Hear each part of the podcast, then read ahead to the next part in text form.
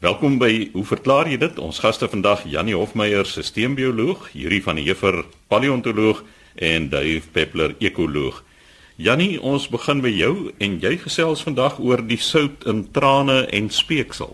Ja, dankie Chris en môre kollegas luisteraars en môre Tuis Greef van Wellington wat die vraag gevra het. Ek het dit maar so half opgesom want dit is nog 'n lang vraag wat hy vra, maar dit kom daarop neer waarom bevat trane sout? En waar kom die sout in trane vandaan? En watter rol speel sout in die trane? En waarom proe trane sout en speeksel nie? Is dit dan omdat speeksel nie sout in het nie? En of is dit maar net dat ons nie die sout kan proe in die speeksel nie? So ons praat so 'n klein bietjie oor wat trane is. Dis natuurlik die vloeistof wat tussen die ooglede en die oogbal voorkom. Dit vorm 'n film op die oogoppervlak. Dit staan bekend as die prekorneale film. En dit is eintlik 'n heel komplekse film wat uit 3 lae bestaan. Dis eers 'n vetagtige laagie aan die buitekant en dan in die middel 'n waterige laag en dan 'n slijmagtige laag wat direk met die oog kontak maak. So ons kan onsself afvra wat doen die verskillende lae? Hoekom is daar dan so 'n komplekse struktuur.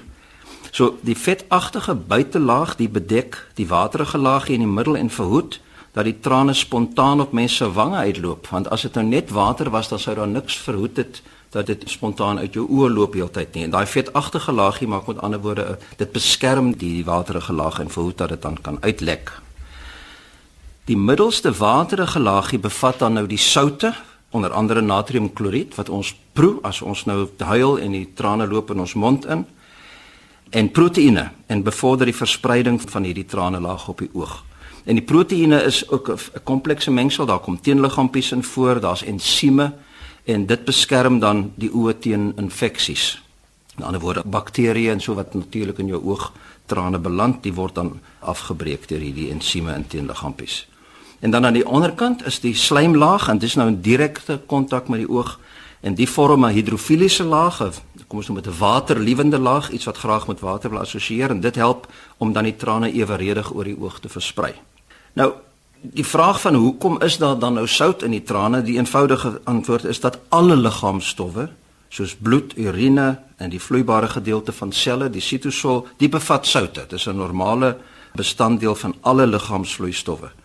En onder andere is natuurlik dis nou baie soorte soutte, maar onder andere dan natriumkloried, tafelsout wat ons dan as sout ervaar as ons dit proe. Die korrekte naam vir hierdie sout is eintlik elektrolyte en so behalwe natriumkloried kry ons dan nou kalium, kalsium, fosfaat, magnesium, ander spoorelemente wat oral voorkom.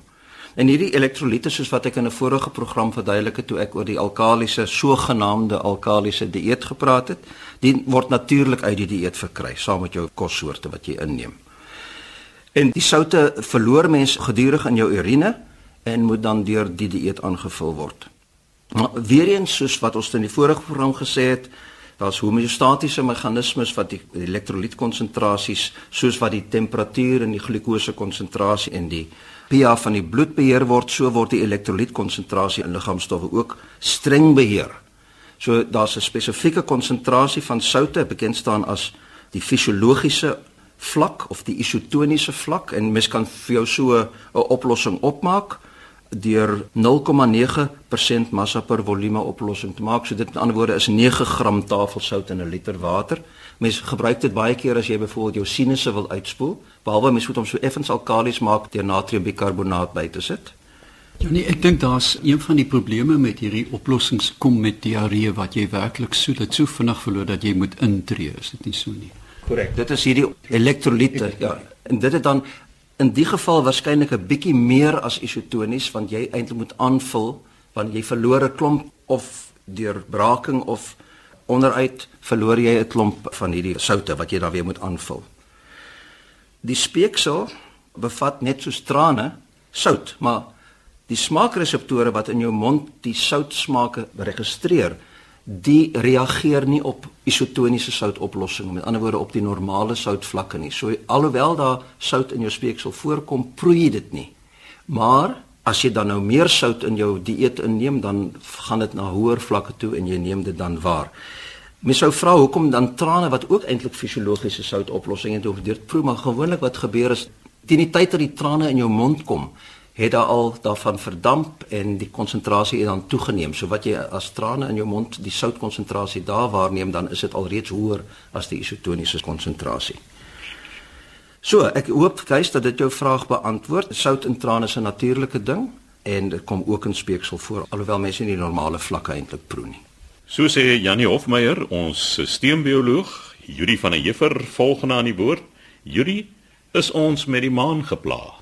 Chris, 'n vraag van mevrou Lona Bruwer van Tableview is een dink ek wat baie mense al oor gewonder het en wat baie mense amper vir die waarheid aanvaar en dit is dat die maan en spesifiek die volmaan 'n uitwerking het op mense, op die gemoedstoestand van die mense want die argument is gewoonlik kyk wat maak die maan met die oseaan. Dit veroorsaak saam met die son natuurlik die getye, dit verander die hele opset van die oseaan aan die kus en ons bestaan uit 75% water, so die maan moet 'n invloed op ons hê.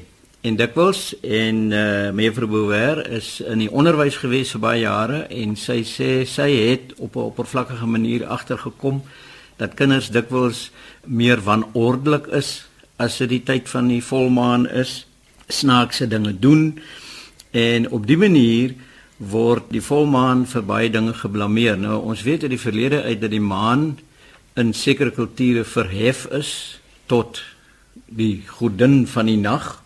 Janie, ek en jy was by daai lese van Chris Marion oor die mense van Pinnacle Point in die Suid-Kaap waar hy uh, allerlei parallelle getrek het oor hulle ontwikkeling, oor hulle tegniese vermoë en hulle waardering van die natuur en alhoewel sommige paleoantropoloë nie met hom saamstem nie, is hy oortuig daarvan dat hulle 'n soort maankalender aan mekaar gesit het sodat hulle besoeke aan die kus om seekos te versamel wat net met heel laagste laagwater beskikbaar is, dan kan gebeur.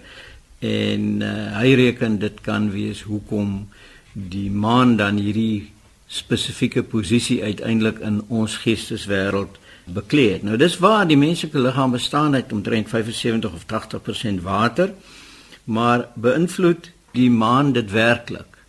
Nou as 'n mens gaan kyk na ander groot wateroppervlaktes op aarde soos byvoorbeeld die vyf groot mere in Noord-Amerika waarvan Michigan een van die mere is, dan sien 'n mens alhoewel dit 'n groot massa water is, is die effek van die maan al klaar baie minder daar en die gemiddelde gety verskille in die groot mere is maar so iets soos 5 cm en dat die veranderings wat mense aan die oppervlak sien te doen het met klimaatstoestande en wind en hierdie soort van goed. Ons was self aan die onderpunt van die Michigan meer baie jare gelede met die kinders en komende nou van die Wes-Kaap af was hulle gewoond aan groot branders.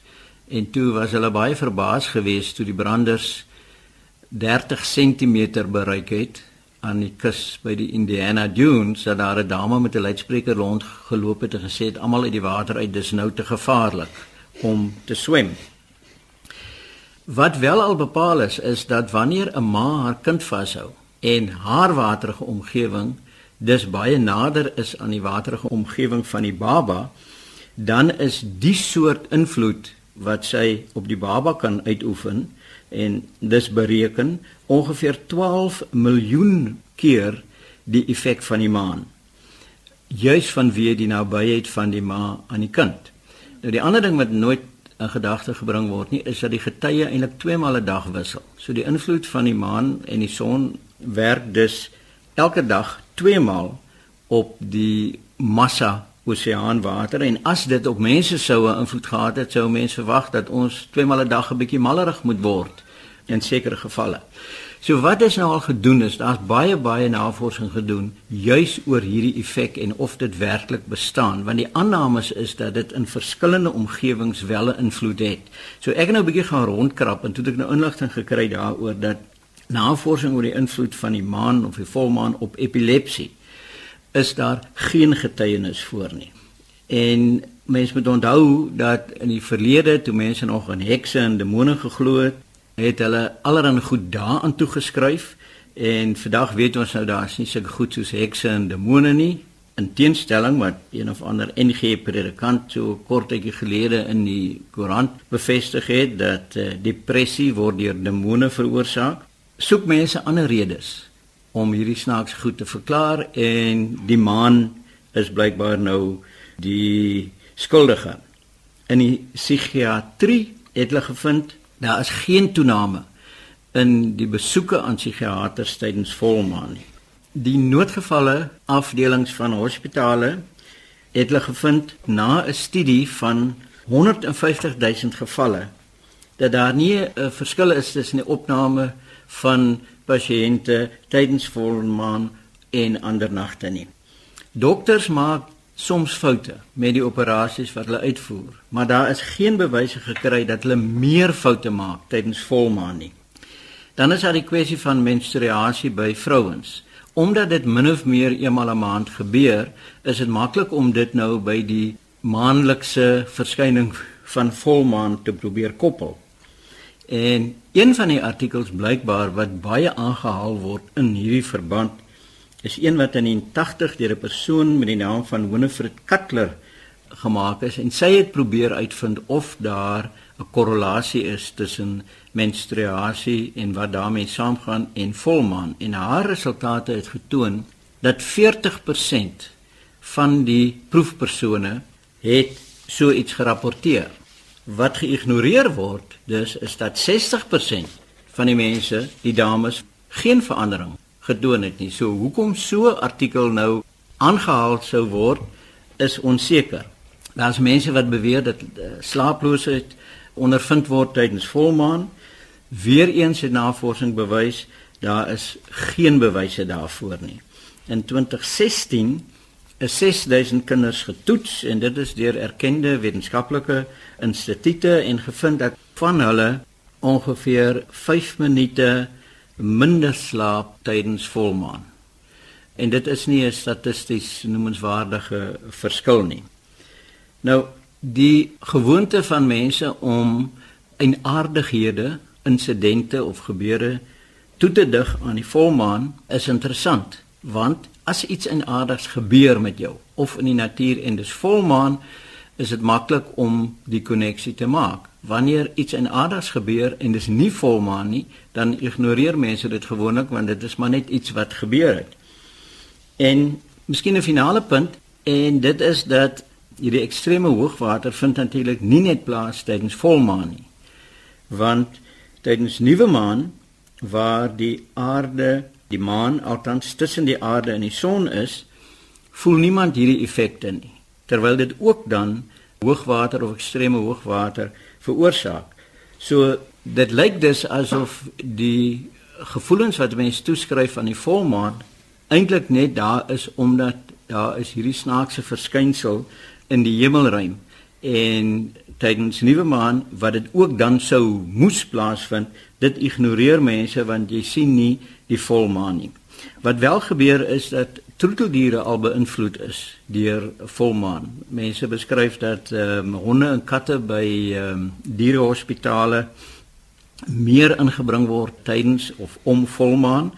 Dit is nie verklaar nie. Die voorstel is waarskynlik dat diere tydens volmaan buitentoe gaan en dan in die halfdonker makliker seer kry terwyl hulle daar rondhardloop. Leeu's word geaffekteer deur volmaan want hulle kan nie baie goed jag tydens volmaan nie en dan jag hulle die volgende dag waarskynlik omdat hulle honger is. So die insidente wat ons het wat toegeskryf word aan snaakse optredes tydens volmaan kan ongelukkig nie wetenskaplik gefundeer word nie. So sê Yuri van der Heever, ons paleontoloog. Volgende aan die beurt, Dave Peppler en Dave, jou onderwerp vandag, voelgedrag en die oersiel. Ja, ek het 'n brief ontvang van eerwaarde Darryl H.A. Schreder wat skryf geagte heer na aanleiding van die gesprek ter antwoord op 'n luisteraar se vraag oor die beweging van voels, ek het dit 'n paar maande gelede bespreek, het die verduideliking daarvan nogal vreemd voorgekom. Weens die bloot wetenskaplike aard mis ons eintlik die kern van die saak, sê hy. Van die metafisiese oogpunt is die rede waarom voëls met eens opstyg van die grond af en verder uniform rondsweef as 'n groep terwyl hulle vlieg, die onderliggende feit dat hulle almal beheer word deur dieselfde oersiel. Die sogenaamde overself of opperhoof van die groep kom natuurlik ook voor in die mens self wat as dit ware 'n marionet is van 'n groep van 12 verwante siele wat ons as gedeeltelik as gedeeltes deur die oorheersende supersiel of engel afgestuur is vir die doeleinde om die ervaring van die materie op te doen en sodoende sy eie evolusie voort te sit. Dis 'n redelike lang komplekse beskrywing. Ons weet tog van Pavlov se watertandhond dat alles nie bloot kondisionering en beproefde refleksie is nie. Ek het lank nagedink eerwaarde oor u brief en het nogals gesukkel om by 'n redelike kerndefinisie van die oerself of die oersiel uit te kom. Uiteindelik het ek toe geland by die skrywer filosoof Paul Bruton. Sy eie regte naam was Raphael Howard. Ek dink dit was 'n bietjie te platvloers en toe word hy Paul Bruton 1890 tot uh, 1981. Hy was 'n Engelse teosoof en 'n spiritualist. Nou kom ons kyk net wat hy was. Die teosofie Dit is 'n versameling van mistieke en okkult filosofieë wat soek na die kennis van die misterie van die lewe en die natuur en die aard van heiligheid en die oorsprong en die doel van die heelal. Dit is die beskrywing van die teosofie. Dit het natuurlik ontstaan by daai opperste skurk Madame Blavatsky in um, New York wat vir dekades lank haar gemeente bankrot gepreek het. Sy was 'n absolute boef maar dit nou daar gelaat. Dan kom ons by die okkultisme en dis die kennis van die paranormale of die bonatuurlike in teenstelling met die kennis van die meetbare waaroor ons gesels en die wetenskap soos ons dit ken.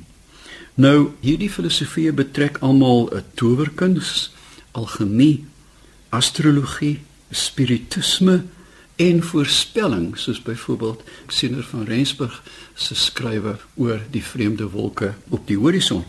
Nou kom ons kom net terug dan na die ower self of die bo self. Uit die aard van hierdie program probeer ons natuurverskynsels soos u beskryf het verklaar in terme van die wetenskap.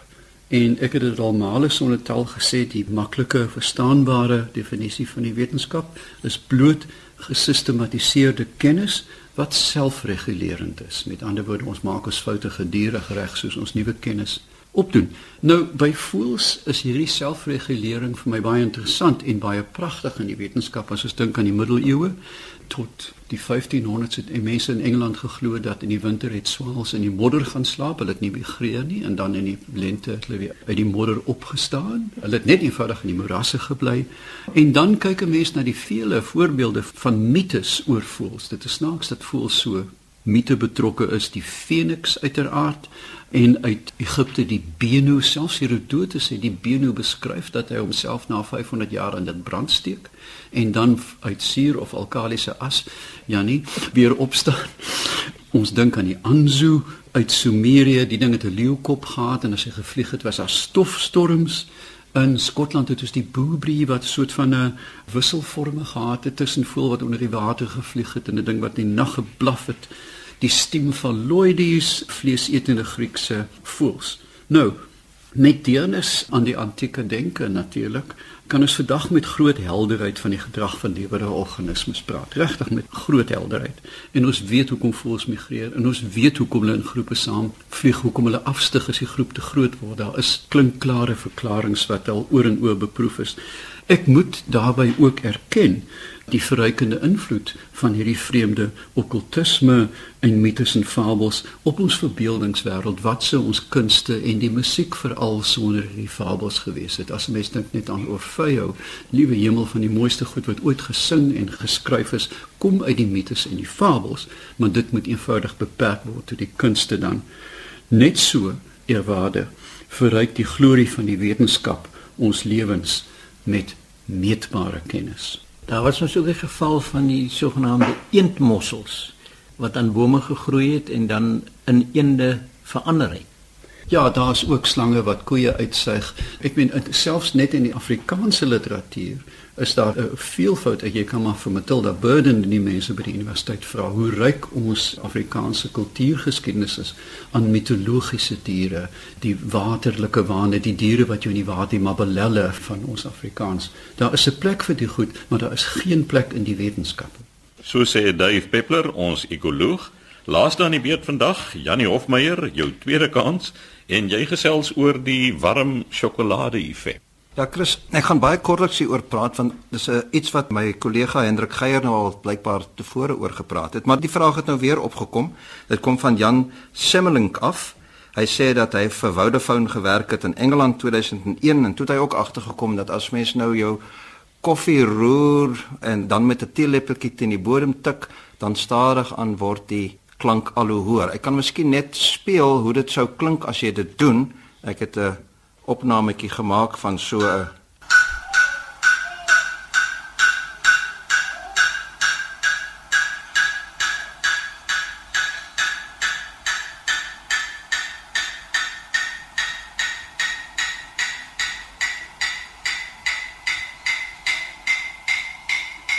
'n mens kan hoor dit word al hoe hoër en al hoe hoër.